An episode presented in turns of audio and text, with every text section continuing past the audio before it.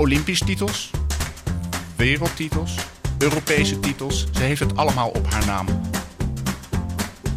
Sporters zijn niet in de luxe om ehm, na hun topsportcarrière niet meer te hoeven werken. Die sporters die de studie ernaast deden, waren uiteindelijk meer succesvol als het gaat om Olympische medailles of wereldkampioens of EK's dan de mensen die het niet deden. Luisteraars, hartelijk welkom bij De Kennismakers, een serie podcasts van de Hogeschool van Amsterdam over het onderzoek dat de hogeschool doet naar de praktijk van het beroep. Mijn naam is Paul Helbing, ik werk bij de Hogeschool van Amsterdam als directeur communicatie. Deze aflevering van De Kennismakers gaat over sport. En niet zomaar over sport, maar over topsport en over topsporters en over topsporters die ook nog studeren. Kan dat eigenlijk wel? Waarom wil je als topsporter eigenlijk überhaupt studeren? Kan je als student eigenlijk überhaupt wel tijd vinden voor, uh, voor topsport? En wanneer, hoe, doe je, hoe doe je dat dan? En wat kom je tegen? Dat zijn wat vraagstukken die we allemaal aan de orde gaan komen. Dat doen we volgens goede traditie van deze serie met een van onze deskundige lectoren. Die ga ik zo introduceren. Maar ik wil beginnen bij uh, de introductie van onze eerste gast vandaag. Een absolute wereldtopper. Kelly Jonker, dames hockey. Interlands 168 vanaf 2008 tot nu. Ik heb, als ik het goed gelezen heb, 68 doelpunten. Een spits. Gevreesd om haar levensgevaarlijke tip-ins. Voor zowel het Nederlands uh, elftal als voor de Club Amsterdam. Uh, Olympische titels, wereldtitels, Europese titels. Ze heeft het allemaal op haar naam. Kortom, een absolute topsportvrouw. En daarom heel blij dat je hier wilt zijn, Kelly. Ja, onwijs leuk. Ja. um, Kelly, ik noemde net een paar zomaar uh, geweldige titels die je in je loopbaan gehaald hebt. Afgelopen zomer ben je met het Nederlands elftal Europees kampioen geworden.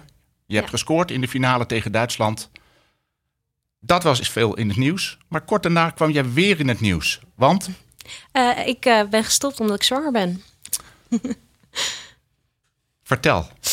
Uh, ja, het, was, het was een verrassing, dat zeker. en ik kwam er vlak voor het EK kwam ik er, kwam ik erachter. Dus ik wist voordat ik het EK ging spelen dat het wel mijn, mijn laatste toernooi zou zijn. Um, dus dat maakte het wel extra bijzonder. En verder wist niemand het, behalve mijn directe familie en mijn man natuurlijk. Um, en zeker die laatste wedstrijd was voor mij wel extra bijzonder, omdat het mijn laatste interland was. Uh, en ik scoorde en echt wel op de tip-in uh, manier die, uh, die, waar ik een beetje bekend om sta. Um, en het team pakte het Olympisch ticket. En dus is een mooier afscheid kon ik eigenlijk niet hebben. En hoe is het nu met je? Het gaat goed, ja. ja. Het is wel heel gek. Hoe is het? ja, het is heel gek om van uh, topfit naar uh, zwanger te gaan. Die, die overgang is best groot. Uh, mijn lijf is ook best wel verslag geweest even. Maar het gaat nu gaat het goed. En ik ben er volop aan het genieten. En het is onwijs bijzonder om dit, dit te mogen meemaken. Dus ik kan niet wachten tot dat ze er is. Mis je het, het dagelijks hockey op topniveau? Ik mis bepaalde aspecten er wel van. Het, uh, het, samen naar een doel toe werken. Ze zijn nu zeker richting Tokio zijn ze nu bezig. Nou ja, ik heb uh, drie keer een Olympisch traject meegemaakt. Dus ik weet hoe leuk en hoe bijzonder dat is. Um, en gewoon het fysiek uh, bezig zijn, je fit voelen. het spelletje vind ik nog steeds fantastisch. Dus ja, dat, dat stukje mis ik wel. Maar het heeft ook alweer lekker zijn voordelen dat je gewoon thuis kan zijn. En weer met de mensen die nou ja, eigenlijk elf jaar lang uh, ook een beetje hun leven onder hold hebben gezet. Dat je daar nu uh, wat meer tijd aan kan besteden. Dus uh, dat is mooi. Gaan we je terugzien op de hockeyvelden? Weet ik nog niet. Nee, ik heb nog geen. bij Nederlands team sowieso niet. Tokio was sowieso mijn eindstation geweest.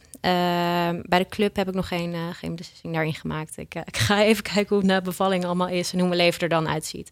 Maar dat ik ooit weer ga hockeyen, dat denk ik wel. Maar of het op, op hoog niveau is, dat, dat weet ik niet. Oké, fijn dat je er bent. Ja. Ik ga naar de andere gast.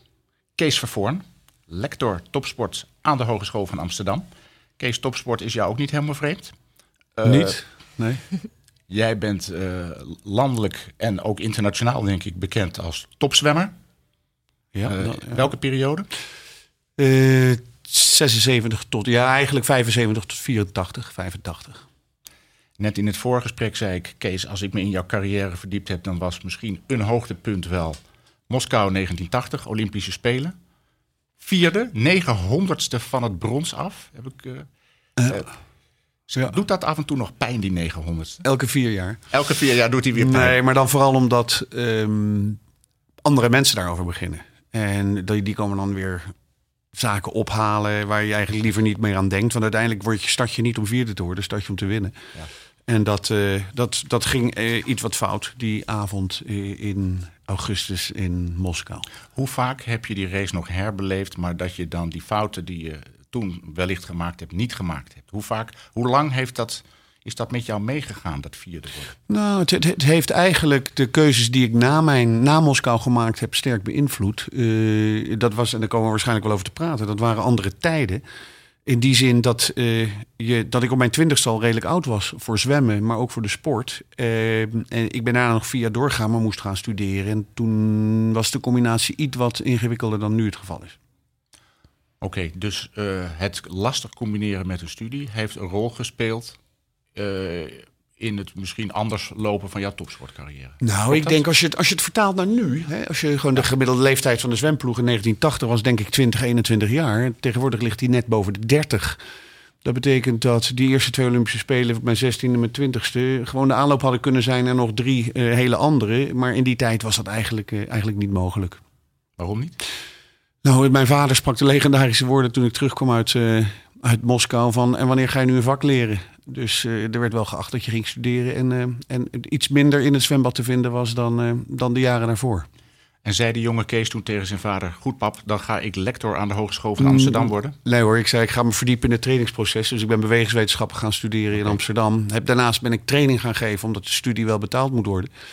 En heb ik daar ook heel veel plezier uit gehaald. En ik ben naast de training geven nog zo'n beetje blijven zwemmen. Zodat ik de Olympische Spelen 84 ook nog gehaald heb, actief.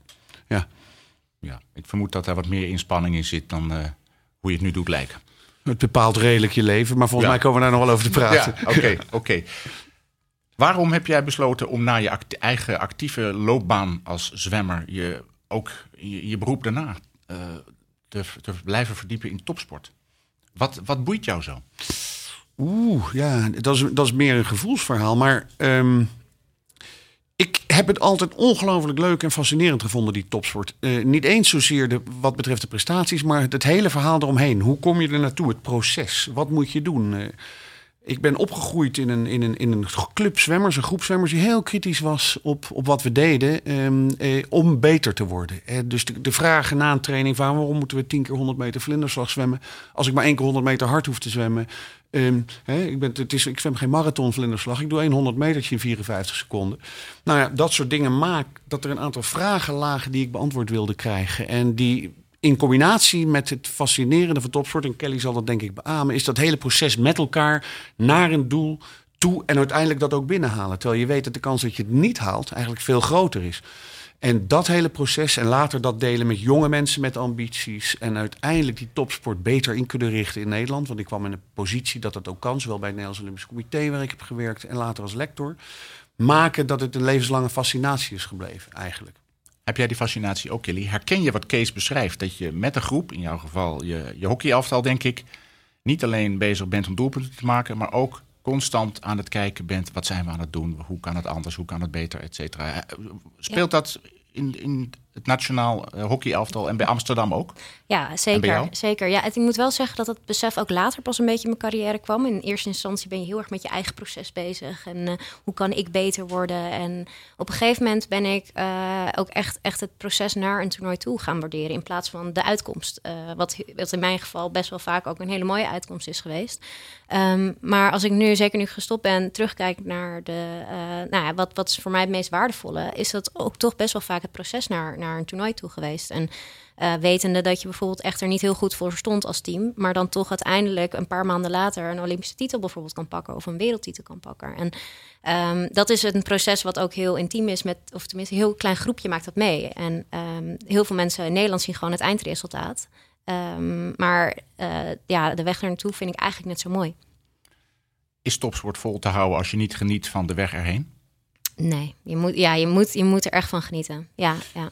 Maar het is, je, hebt, je hebt gewoon momenten dat dat eh, minder, minder kan en minder gaat. eh, dat wel. Maar ehm, weet je, het, het is ook zwaar. Maar dat, dat zo met alles eh, wat je in het leven doet, heeft zijn ups en zijn downs. En ik denk, zolang je het leuk vindt, hou je het gewoon wel vol. En ja, daarom heb ik dat wel bijna, nou, het is het twaalf jaar lang kunnen doen.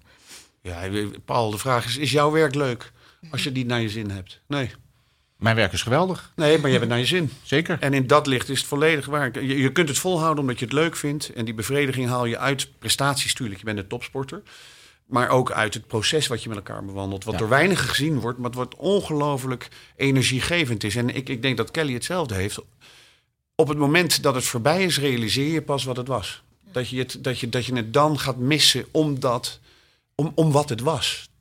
Eerst hoorde het erbij en later ga je kijken van verdorie, dat was mooi. Daar had ik de, ik heb vriendschap voor het leven gevormd. Terwijl je dit vertelt, zie je Kelly heel hard knikken. Vertel. Ja, ja nee, eh, ik, ik, dat is echt absoluut waar. Zeker wat ik net zei, dan nu je gestopt bent, dan zie je dat, zie je dat veel meer in. Uh, dat uh, het eindresultaat is heel mooi. Toen ik Olympisch kampioen werd, mijn, mijn, mijn droom was waar, weet je, was werkelijkheid geworden. Maar ik was 22 toen dat gebeurde. En toen dacht ik, ja, oké, en nu? Waar ga je nu je doelen stellen, je plezier uithalen? En um, dat was voor mij wel heel erg gewoon uh, nieuwe doelen stellen met dat groepje samen. En die groep verandert ook elke keer, waardoor die dynamiek elke keer weer verandert. Dus je blijft constant bezig met zo'n groep om uh, weer het, het, maximale het nieuwe doel te behalen. En dat maakt het dat je het volhoudt.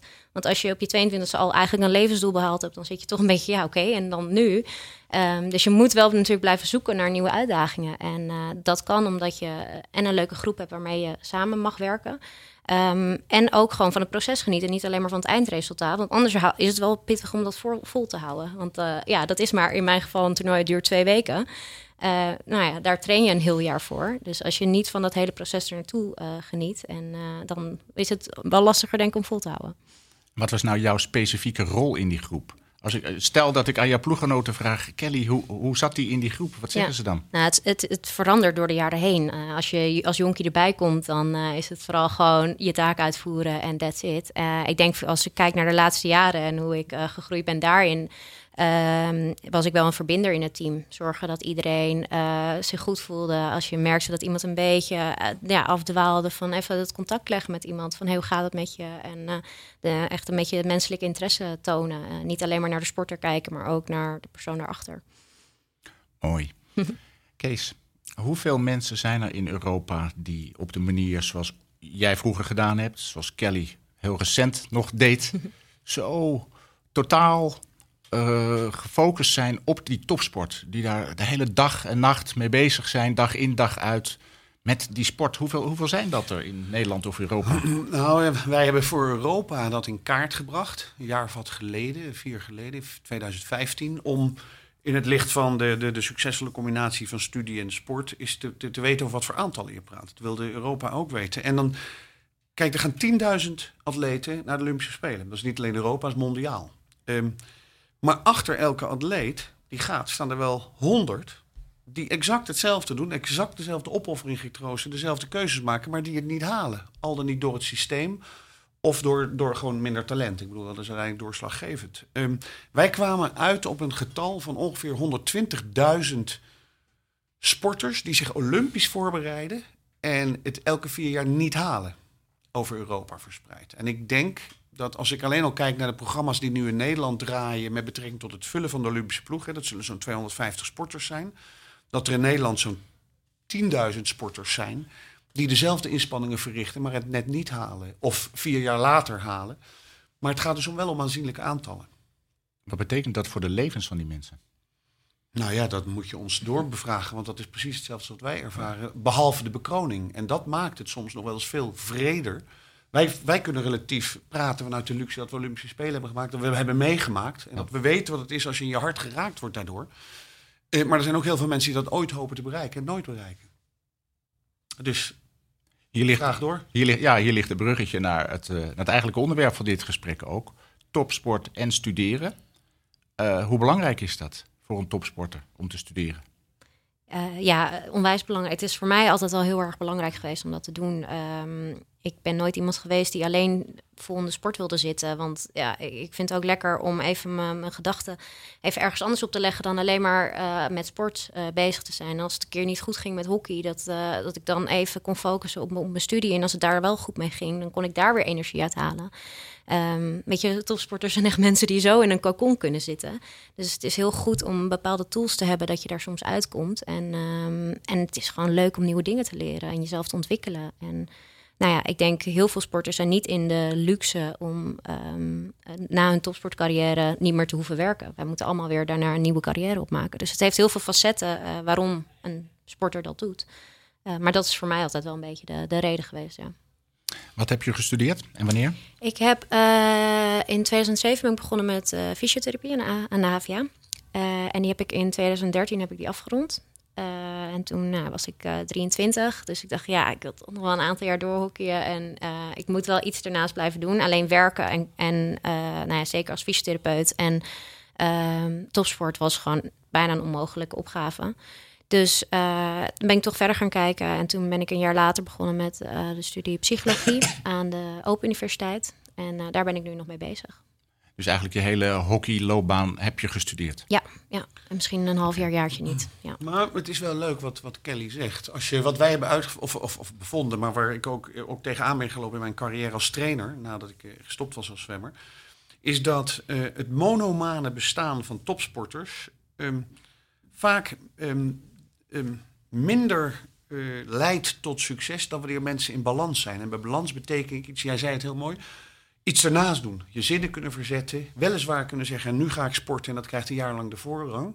Maar wel vanuit de positie dat je ook iets anders hebt om je af te reageren. Om even ver, ver, verlichting te zoeken. En voor sommigen is dat werk, voor anderen is het. Maar voor heel veel jonge mensen die in die leeftijdsfase ook zitten, is het gewoon onderwijs volgen. Dus een, een opleiding volgen. En um, ik zelf heb bij het zwemmen, als ik kijk naar, naar mijn coachschap. Die sporters die een studie ernaast deden, waren uiteindelijk meer succesvol als het gaat om Olympische medailles of wereldkampioens of EK's dan de mensen die het niet deden. Die uitsluitend kozen voor het zwemmen de rest van de dag even heel kort door de bocht in hun bed lagen. Dus jij zegt niet als trainer hoe langer je in dat zwembad ligt, hoe beter het is? Nee, absoluut niet. Ik zeg zoek een hele goede combinatie die past, maar weet wel dat er momenten zijn dat de sport voorrang verdient. En Even goed zijn er ook momenten waarin de studie voorrang verdient. Maar dat moet je met elkaar afstemmen in, in, in ja. meerjaren afspraken of hoe je dat wil noemen. Dat monomaan bezig zijn, zoals jij dat noemt. Is dat een belangrijke valkuil voor topsporters? Um, ik weet niet of het een valkuil is. Um, het is denk ik een eigenschap die maakt dat je succesvol bent in wat je doet en waar je ook plezier uit haalt. Maar als je ernaar kijkt, uh, jij ernaar kijkt, of, of, of, of, jullie, zullen ongetwijfeld zeggen: Nou, je bent wel erg bezig met dat wat je, waar je goed in wil worden. Ik heb het nooit als monomaan ervaren. Ik heb het ervaren als uh, de consequenties van een keuze die je hebt gemaakt. Mag ook wel monomaan genoemd worden, dat weet ik niet. Maar daar is gewoon dat je om iets te bereiken maximaal je best doet en je inspant. En uh, bij topsport is dat uit te drukken in uren per dag. Uh, maar er zijn legio voorbeelden noemen waar dat ook zo is. Hey, als je muziek gaat maken, ik ken jongelui die muziek leuk vinden, die gewoon zes uur per dag, acht uur per dag, tien uur per dag op de gitaar aan de gang zijn. Dat is ook niet monomaan, dat is jezelf verbeteren. Wat je beschreef is topsporters die alleen maar met die sport bezig zijn. Dan zie je vaak dat het toch wel goed is als ze daarnaast ook studeren. Uh, dat ze eventjes wat afleiding hebben ja. en niet alleen maar. Uh, heb jij dat zelf uh, meegemaakt, Kelly? Dat je, dat je dacht, wat ben ik blij dat ik nu even. Ja, ja ik, ik, heb, ik, heb, ik ben best wel blessuregevoelig geweest ook in mijn carrière. Ik heb, ik heb drie schouderoperaties gehad, waardoor ik er vier maanden uit lag elke keer. Nou, als ik dan alleen maar het revalidatieproces had gehad en niet nog mijn studie had gehad, dan was ik denk ik echt helemaal gek geworden. Het, op dat moment dat je je vol weer even in iets anders kon storten, heeft mij er ook echt weer uitgehaald. Waardoor ik ook weer heel veel zin kreeg om weer op het veld te staan. Dat houdt elkaar wel heel erg, uh, heel erg denk ik, in balans. En um, ja, ook uh, bijvoorbeeld, wij hadden altijd de afspraken in een Olympisch jaar. Op een gegeven moment uh, wordt het wat rustiger qua studie en meer op, op sport focussen. En dat is heerlijk op dat moment. Maar toen de Spelen klaar waren, vond ik het ook weer zo leuk om weer te beginnen met, met mijn studie. Dat je gewoon, ja, gewoon weer zin had om te studeren. Ja. Dat merk je dan wel echt. Die afwisseling is gewoon heerlijk. Dus studeren naast een topsportcarrière is fijn. Maar kan het eigenlijk wel? Ja, je moet alleen goede afstemmingen maken met, uh, met je school, met, uh, met docenten. Uh, het, is, het vergt wel heel veel regelwerk. ik weet niet hoe dat nu tegenwoordig is, maar ja, ik ben natuurlijk een aantal jaar al bijvoorbeeld weg bij de HVA. Ehm, en ik had gewoon wel mensen die mij daarbij hielpen. Um, waardoor het ook wel te doen was. Um, maar het is, het is wel, uh, ja, wel, ja ik, ik zat elke keer in een andere klas om een vak te volgen. Ik heb nooit een vaste klas gehad gedurende mijn hele studieperiode.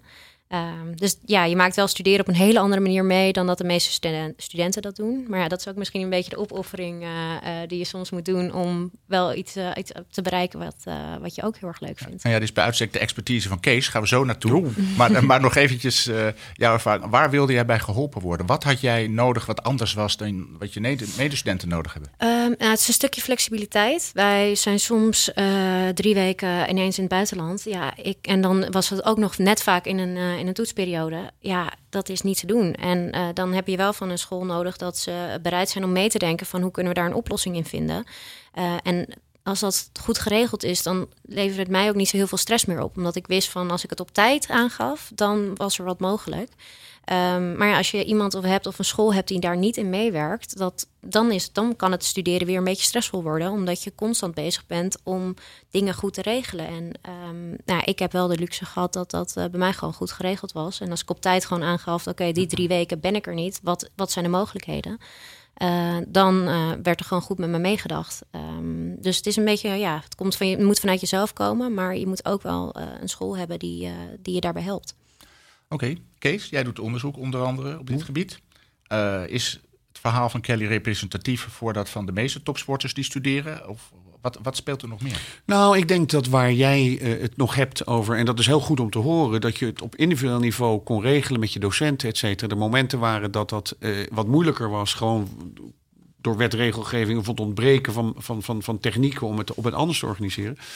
We tegenwoordig een stuk verder zijn. In, in die zin dat uh, het, het beleid is van de hogeschool. Dat iedere, iedere sporter die wil gaan studeren, de studie moet kiezen die hij wil kiezen, ook als hij niet had gesport. En dat binnen die studie de combinatie mogelijk is en wordt gemaakt. En dat is, daar zijn we Louise Gunning dankbaar voor. Die heeft dat in de tijd besloten. Want vroeger kon je alleen naar de Johan Cruijff University om dat te doen. Die was er volledig Even voor geëquipeerd. Voor, de, voor, voor een aantal luisteraars.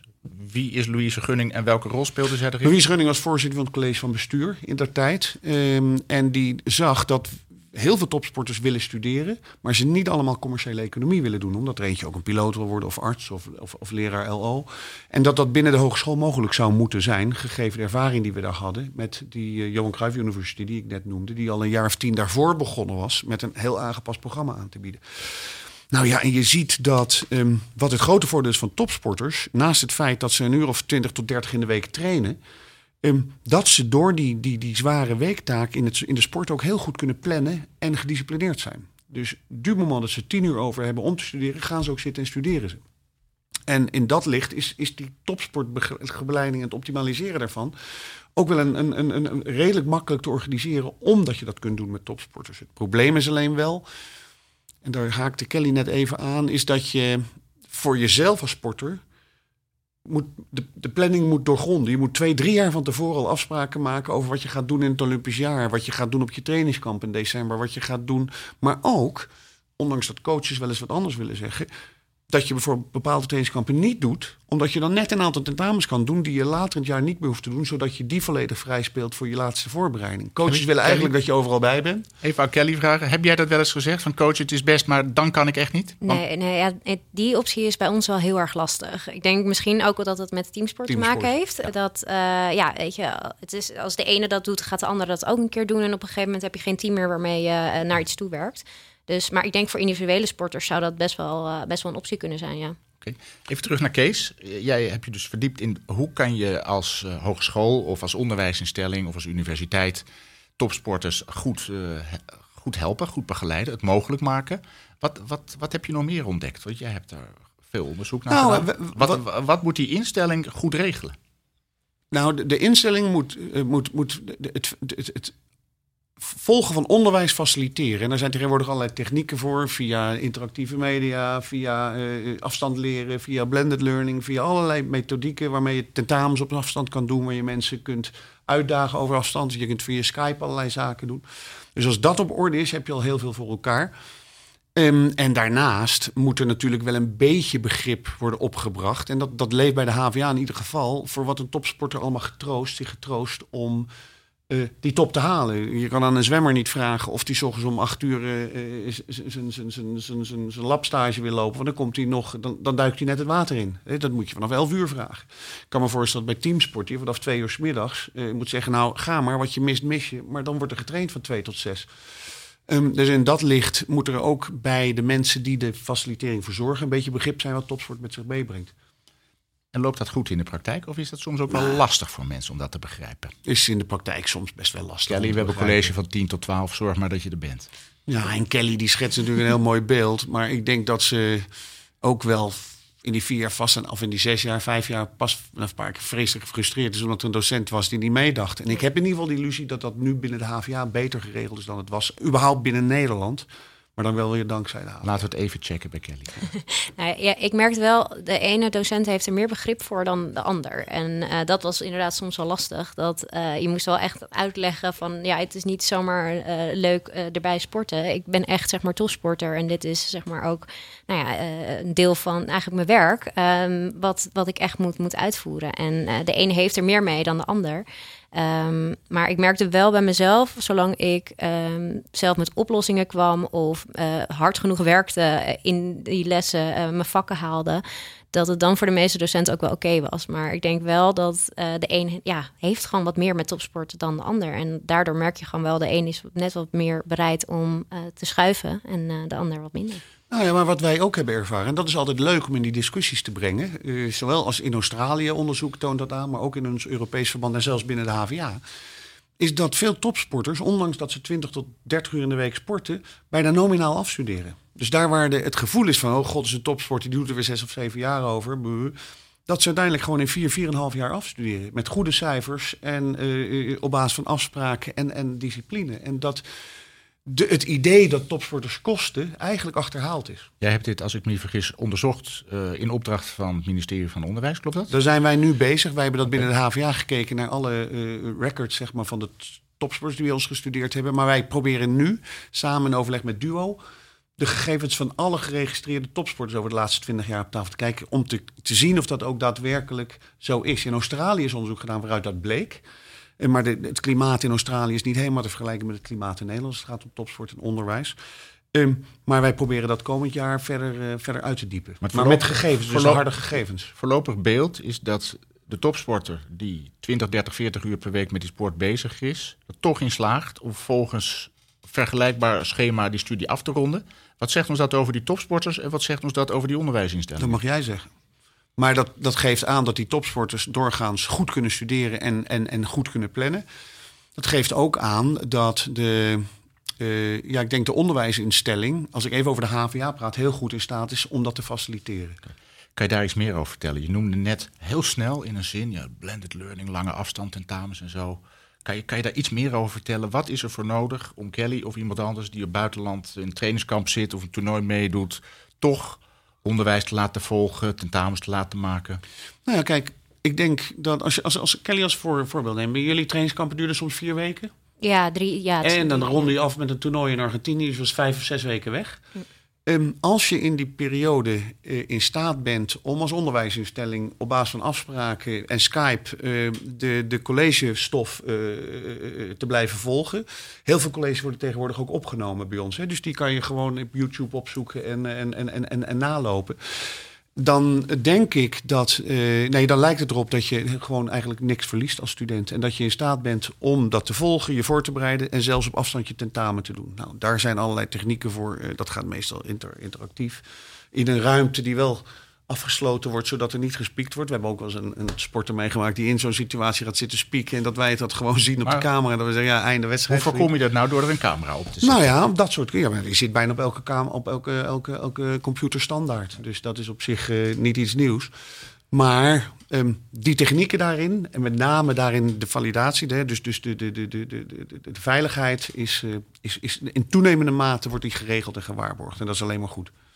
Kelly, je hebt gestudeerd bij de HVA van 2007 tot 2013. Heb jij ook op, met dit soort technieken gestudeerd of tentamens gemaakt? Of is dit uh, van de laatste jaren? Ik denk dat het van de laatste jaren is, want ik heb het niet op die manier. Okay. Bij mij ging het meer dat ik, uh, als ik bijvoorbeeld de eerste kans miste voor een tentamen omdat ik weg was, dat ik uh, dan tijdens de herkansing zou ik mijn eerste kans mogen maken. Dus zo werd een beetje gekeken van wat is de planning, uh, jaarplanning, wanneer zijn de tentamenmogelijkheden. Um, en ja, normaal uh, voor een student, als je je eerste mogelijkheid mist, dan moet je gelijk door naar de tweede. Maar daar wordt dan wel een uitzondering uh, bij mij voor gemaakt van oké, je maakt hem op de herkansingsdag, maar het wordt wel gezien als je eerste poging. Nou, dat, is, dat is goed om aan te geven, want dat zijn ook gewoon hele praktische oplossingen die bijdragen. En dan zal je zien dat je bijna altijd die tweede kans, wat formaal jouw eerste kans is, ja. uh, gewoon haalt. Ja.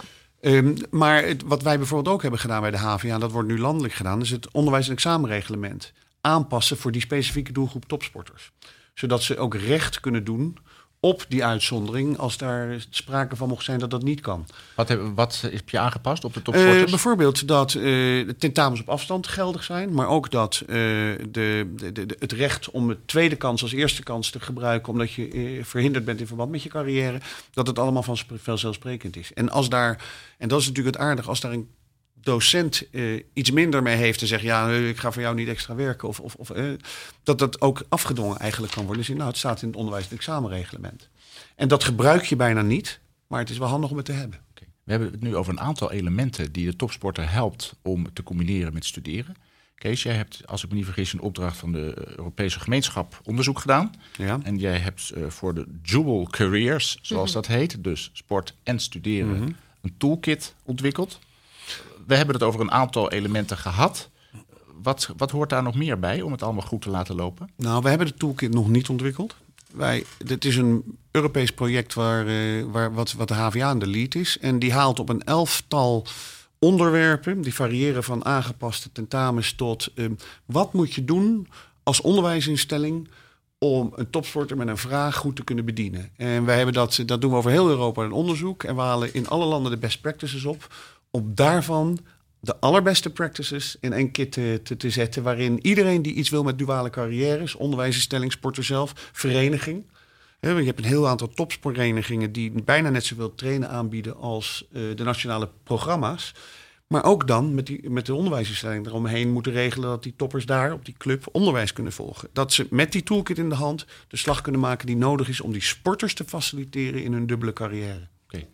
En het is nog niet klaar, maar bij het vorige onderzoek over uh, hoe lang studeren topsporters heb je al wat verteld over waar het heen gaat. Kan je dat hier ook doen? Zijn er nog andere dingen dan waar we tot nu toe over hebben gehad, waar je ook achter komt, die ook in die toolkit thuis horen? Nou, het is niet zo dat je allerlei dingen uitvindt. Het is wel zo dat je ziet dat er op verschillende plaatsen geworsteld wordt met dezelfde uh, vraag. Hè? Hoe kunnen sporters dat, die combinatie maken? Maar dat er afhankelijk van de plek en de, uh, en, en de cultuur hele verschillende oplossingen voor gekozen worden. En ik, ja, wat, wat zou je, je kan zeggen, kijk, um, oer aanpassen, dat is er één. Gewoon aanpassen, de rechten. Dat examenreglement. Ja, de rechten van de sporter vastleggen. Dan krijg je natuurlijk daaroverheen, wat is dan een topsporter? Als jij binnenloopt, ik zeg ben een topsporter, ik loop drie keer per week rond de Sloterplas. Uh, dan zeg je dan nee tegen. In Nederland hebben wij het systeem dat je als topsporter erkend wordt door NOC-NSF, door de sport zelf. En op het moment dat je dat bent, kan je met een papiertje letterlijk in je hand zeggen: Ik wil graag gebruik maken van die regeling. Nou, het feit dat in heel veel landen die erkenning van topsporters er nog niet is, is bijvoorbeeld al een aanbeveling: eh, regel dat. En dat klinkt allemaal heel raar, maar in het merendeel van de Europese landen is dat niet het geval. En dan weet je ook meteen als topsport en als onderwijsinstelling: hier ben ik aan toe en hier ben ik niet aan toe. En dat is wel, dat is wel prettig. In welke landen is er heel veel belangstelling voor uh, waar jullie mee bezig zijn? Um, met name in Oost-Europa, omdat daar nu wel de druk op ligt om het onderwijs beter te organiseren. En de wijze waarop topsporters werden gefaciliteerd vanuit het verleden niet meer kan. Als jij Olympisch niveau zwemt, krijg je een rang in het leger en de rest van je leven verdien je daarmee. Um, en die kijken sterk naar wat wij in het Westen doen. En Europa vindt het ook belangrijk dat met name Oost-Europese landen daarin meegenomen worden. Maar je ziet grosso modo een verschil tussen zuidelijk Europa, noordelijk Europa, oostelijk Europa en westelijk Europa. En het noordwesten, dus, dus, dus West-Europa, zeggen we in onze, onze dagelijkse termen, um, is het het best geregeld en gerealiseerd. Dat kan te maken hebben met het systeem, dat kan te maken met de financiering, want wij stoppen relatief veel geld in de topsport. Um, versus de wijze waarop het in de oudere politieke systemen in het oosten werd, werd geregeld. Maar je, daar komen ook mondige sporters die zien dat als ik 30 ben en ik heb geen opleiding, ja, dan komt er een groot gat, een zwart gat. Dat wil ja. ik niet. Dus kunt jullie mij helpen? U verwacht dat ik jarenlang train in een systeem of in een school of wat dan ook. Help me dan ook die ladder te beklimmen. En dat besef begint zo langzamerhand door heel Europa uitgedragen te worden. Okay. Kelly, eh, het slechte nieuws voor jou is dat jij niet eh, leeft in een land waar uh, jou nu na je carrière een mooie plek in het leger met een mooi salaris voor de rest van je leven toegekend wordt. Hoe gaat het verder met jou nu je nu. eigenlijk je, je hockeycarrière, althans deels, ja. beëindigd hebt? Ja, ja, ja, dat was natuurlijk omdat het vrij onverwachts was. Was dan natuurlijk wel even schakelen. En uh, mijn licentie helaas is verlopen van fysiotherapie, omdat ik vijf jaar niet gewerkt heb. Uh, die kan ik wel weer, zeg maar, uh, her, een herregistratie doen. Um, maar dan moet ik wel weer ja, een cursus gaan doen. Um, maar het fijne was eigenlijk, op het moment dat ik bekend maakte dat ik zwanger was, dat de hockeybond gelijk kwam van, uh, nou, we hebben iemand nodig voor twee dagen um, om, uh, om ons te helpen. Dus ik zit daar nu, werk daar nu twee dagen en uh, daarnaast kan ik mijn studie, zeg maar, psychologie dan nu doen. Wat doe je bij de hockeybond? Um, ik ben verantwoordelijk voor de opleidingsteams en de districtteams. Dus dat is eigenlijk de jongste, jongste jeugd. dus ik vind dit verhaal ook best wel interessant, omdat wij zijn bij de hockeybond, merken ook wel steeds meer ermee bezig. Ook gewoon om zo jong mogelijk te ervoor te zorgen dat uh, het goed geregeld is. Uh, er is nu heel veel aandacht bij de Hockeybond ook voor, voor die duale carrière. Um, en dat begint eigenlijk al gewoon zo, zo jong mogelijk. Uh, omdat ja, je ziet gewoon dat, dat er steeds jonger meer getraind gaat worden. Um, dus dat is heel interessant. En dus ik, ja, ik ja, vind het een leuk verhaal. Ja. Maar Kelly geeft, het is echt fantastisch dat je dit zegt. Want jij legt precies de vinger op de zere plek op dit moment. Um, je ziet dat de discussie van duale carrières, hè, hoe kan je tijdens je sportcarrière goed studeren, zich ook verschuift naar after career care. Dus wat doen we met topsporters na hun carrière? En dat is, dat is noodzakelijk geworden omdat de gemiddelde leeftijd van de Olympische ploeg de laatste 20 jaar opgeschoven is van zeg maar rond de 24 naar boven de 30. Als jij dus in je duale carrière fysiotherapie hebt gestudeerd en je bent met een aantekening of een registratie, eh, kom je als, eh, als beginnende professional op de markt en je kiest ervoor om nog zes of acht jaar te sporten, wat tegenwoordig kan, wat leuk is en, en wat je ook met liefde doet, dan kom je opeens achter als je 32 bent dat, de, dat, je, dat, je, dat je licentie verlopen is. Um, wat wij dus moeten doen is duale carrières regelen. Dat betekent dat je je opleiding tijdens je carrière, je sportcarrière kunt invullen. Maar eigenlijk krijgen we zo langzamerhand ook de plicht om te zorgen dat in dat traject tussen afzwaaien en afstuderen, of tussen afstuderen en afzwaaien als topsporter, je niet je toegang tot de arbeidsmarkt verliest. Want anders krijg je precies hetzelfde zes jaar later. Dus op een of andere manier, en daar zijn we nu ook in Europa onderzoek naar aan het doen, is moeten we de arbeidsmarkt aanhaken bij sporters die wat gaan doen na hun carrière. Moeten we ervoor zorgen dat die licentie van Kelly in dit geval niet verloopt. Omdat we in de gelegenheid stellen die bijscholingsmomenten te hebben. Want wij vragen als Nederland, laat ik het maar even zo zeggen, tot een 30ste, 32ste maximale inspanning van die mensen. Dan mogen we ook voor zorgen, als ze school hebben gedaan, dat ze daarna een baan krijgen die past bij wat ze hebben gestudeerd. En dat klinkt misschien een beetje hard, maar het feit dat de bond inspringt is hartstikke leuk, maar is eigenlijk niet zoals we het zouden moeten doen. Nee. Nee, want dat is ook echt oprecht wel een stukje wat ik uiteindelijk dus wel gemist heb in mijn uh, maatschappelijke ontwikkeling, als ik dat zo zie. Ik ben altijd, uh, ik, ik, bedoel, ik heb me heel erg ingezet om te studeren daarnaast, maar eigenlijk was er niet echt een mogelijkheid en, en, en ik ben ook niet echt begeleid in het proces van, maar hoe kunnen we dan een oplossing regelen van, in plaats van dat, want volgens mij uit mijn hoofd moet je 12 uur per week uh, moeten werken om je licentie te behouden. Nou ja, dat is één moment, is dat prima te doen, maar er zijn ook momenten waarbij dat niet te doen is als fysiotherapeut. Um, maar er was nooit echt een, een, voor mij een punt of, of, een aanspreekpunt waar ik naartoe kon gaan om, om een mogelijkheid te vinden van oké, maar die 12 uur kunnen we dat uh, verschuiven, misschien iets lager stellen. Of in de periode dat ik het wat rustiger heb, weer omhoog. Uh, uh, dus ik heb dat stukje inderdaad, dat, dat heb ik echt, echt gemist. Nou ja, daar, daar komt volgens mij nog iets bij. Um, dat is namelijk dat um, we ook iets moeten op die arbeidsmarkt in combinatie met die, hè, de, de, de, die duale carrière, met de competenties die je ontwikkelt als topsporter.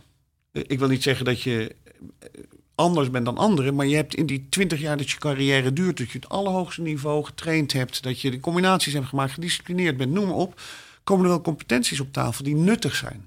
Waar je later wat mee kunt. Waar, je, um, waar we eigenlijk met elkaar van moeten zeggen. Je bent fysiotherapeut, we zorgen dat je een bijscholing krijgt. Maar je bent ook nog eens beroepsmatig topsporter geweest. En, en wat zijn die competenties? Nou ja, ik denk, ik schets ze net, maar wellicht dat jij ze wijzen. Maar um, doorzetting, niet snel opgeven, uh, gericht op prestaties, um, kunnen plannen, um, discipline opbrengen, eh, om kunnen gaan met tegenslagen, eh, samenwerken kunnen, kunnen, kunnen samenwerken en kunnen verbinden. Eh, allemaal competenties die in het bedrijfsleven of in het onderwijs of in de zorg ook nu belangrijk zijn en die je onder, onder de meest moeilijke omstandigheden hebt ontwikkeld.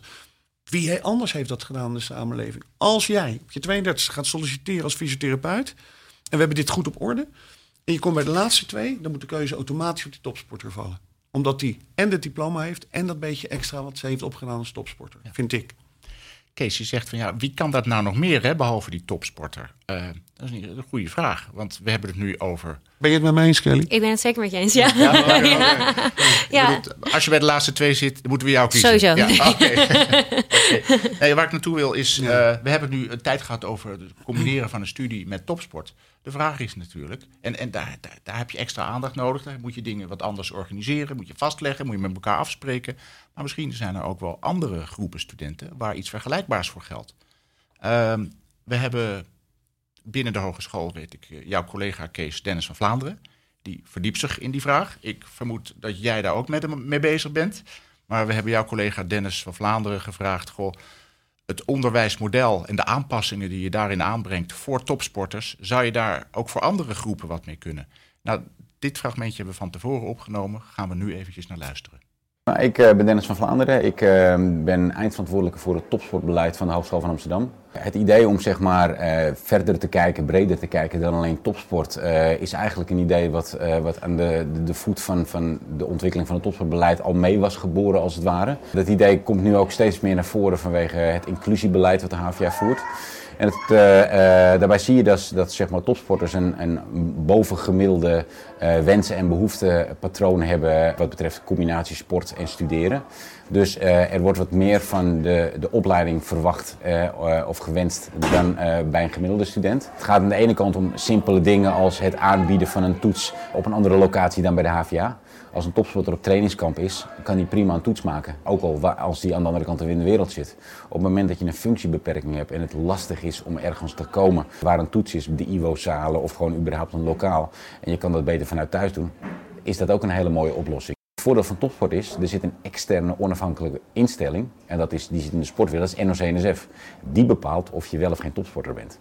En dat is mooi, want ik als HVA wil niet bepalen of je topsporter bent. Wij moeten onderwijs bieden en de sport biedt sport. Daar moeten wij heel goed, goed duidelijk in zijn. En de sport bepaalt ook of je top, een topsporter bent of niet. Met muziek zou je een, ook zo'n instantie moeten hebben.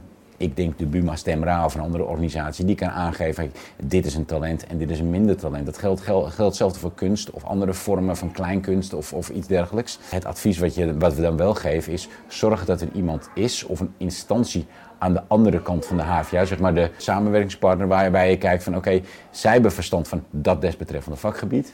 In dit geval sport, maar het kunnen dus ook muziek zijn of ondernemerschap. Eh, en wij als HVA moeten zorgen dat wij ons onderwijs zo goed en zo sterk mogelijk aanbieden voor onze studenten. Dus in die zin zou het, het mooie zo zijn als het topsportbeleid zoals het nu is niet meer nodig is. Dat betekent namelijk dat het onderwijs dusdanig flexibel en digitaal is ingericht, dat het voor topsporters studeerbaar is en daarmee ook voor de meeste andere zeg maar, studenten. Dat is de ideaalsituatie.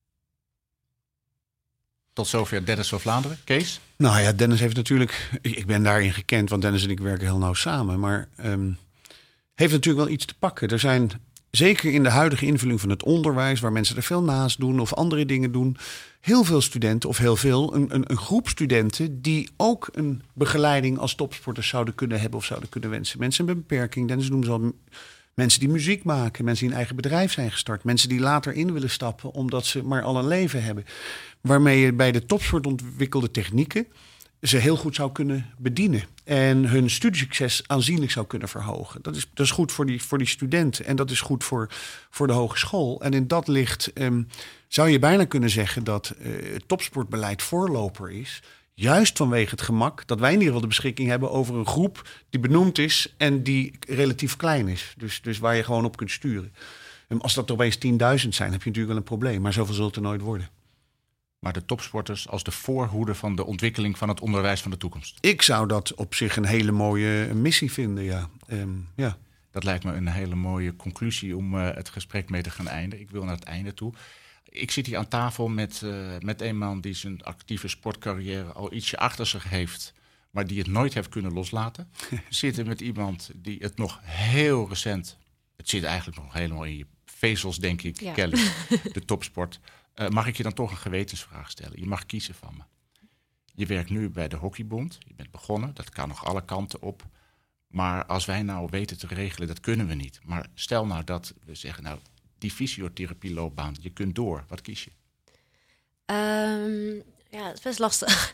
ik, ben, ja, ben nu dus met psychologie bezig. En eigenlijk, mijn focus ligt wel echt heel erg daarop, omdat ik het ook heel erg leuk vind. En ehm, ik, uiteindelijk lijkt me leuk om gewoon de, of de, de dingen die ik geleerd heb bij fysiotherapie eh, en bij psychologie te combineren. Omdat het een hele mooie, mooie combi is.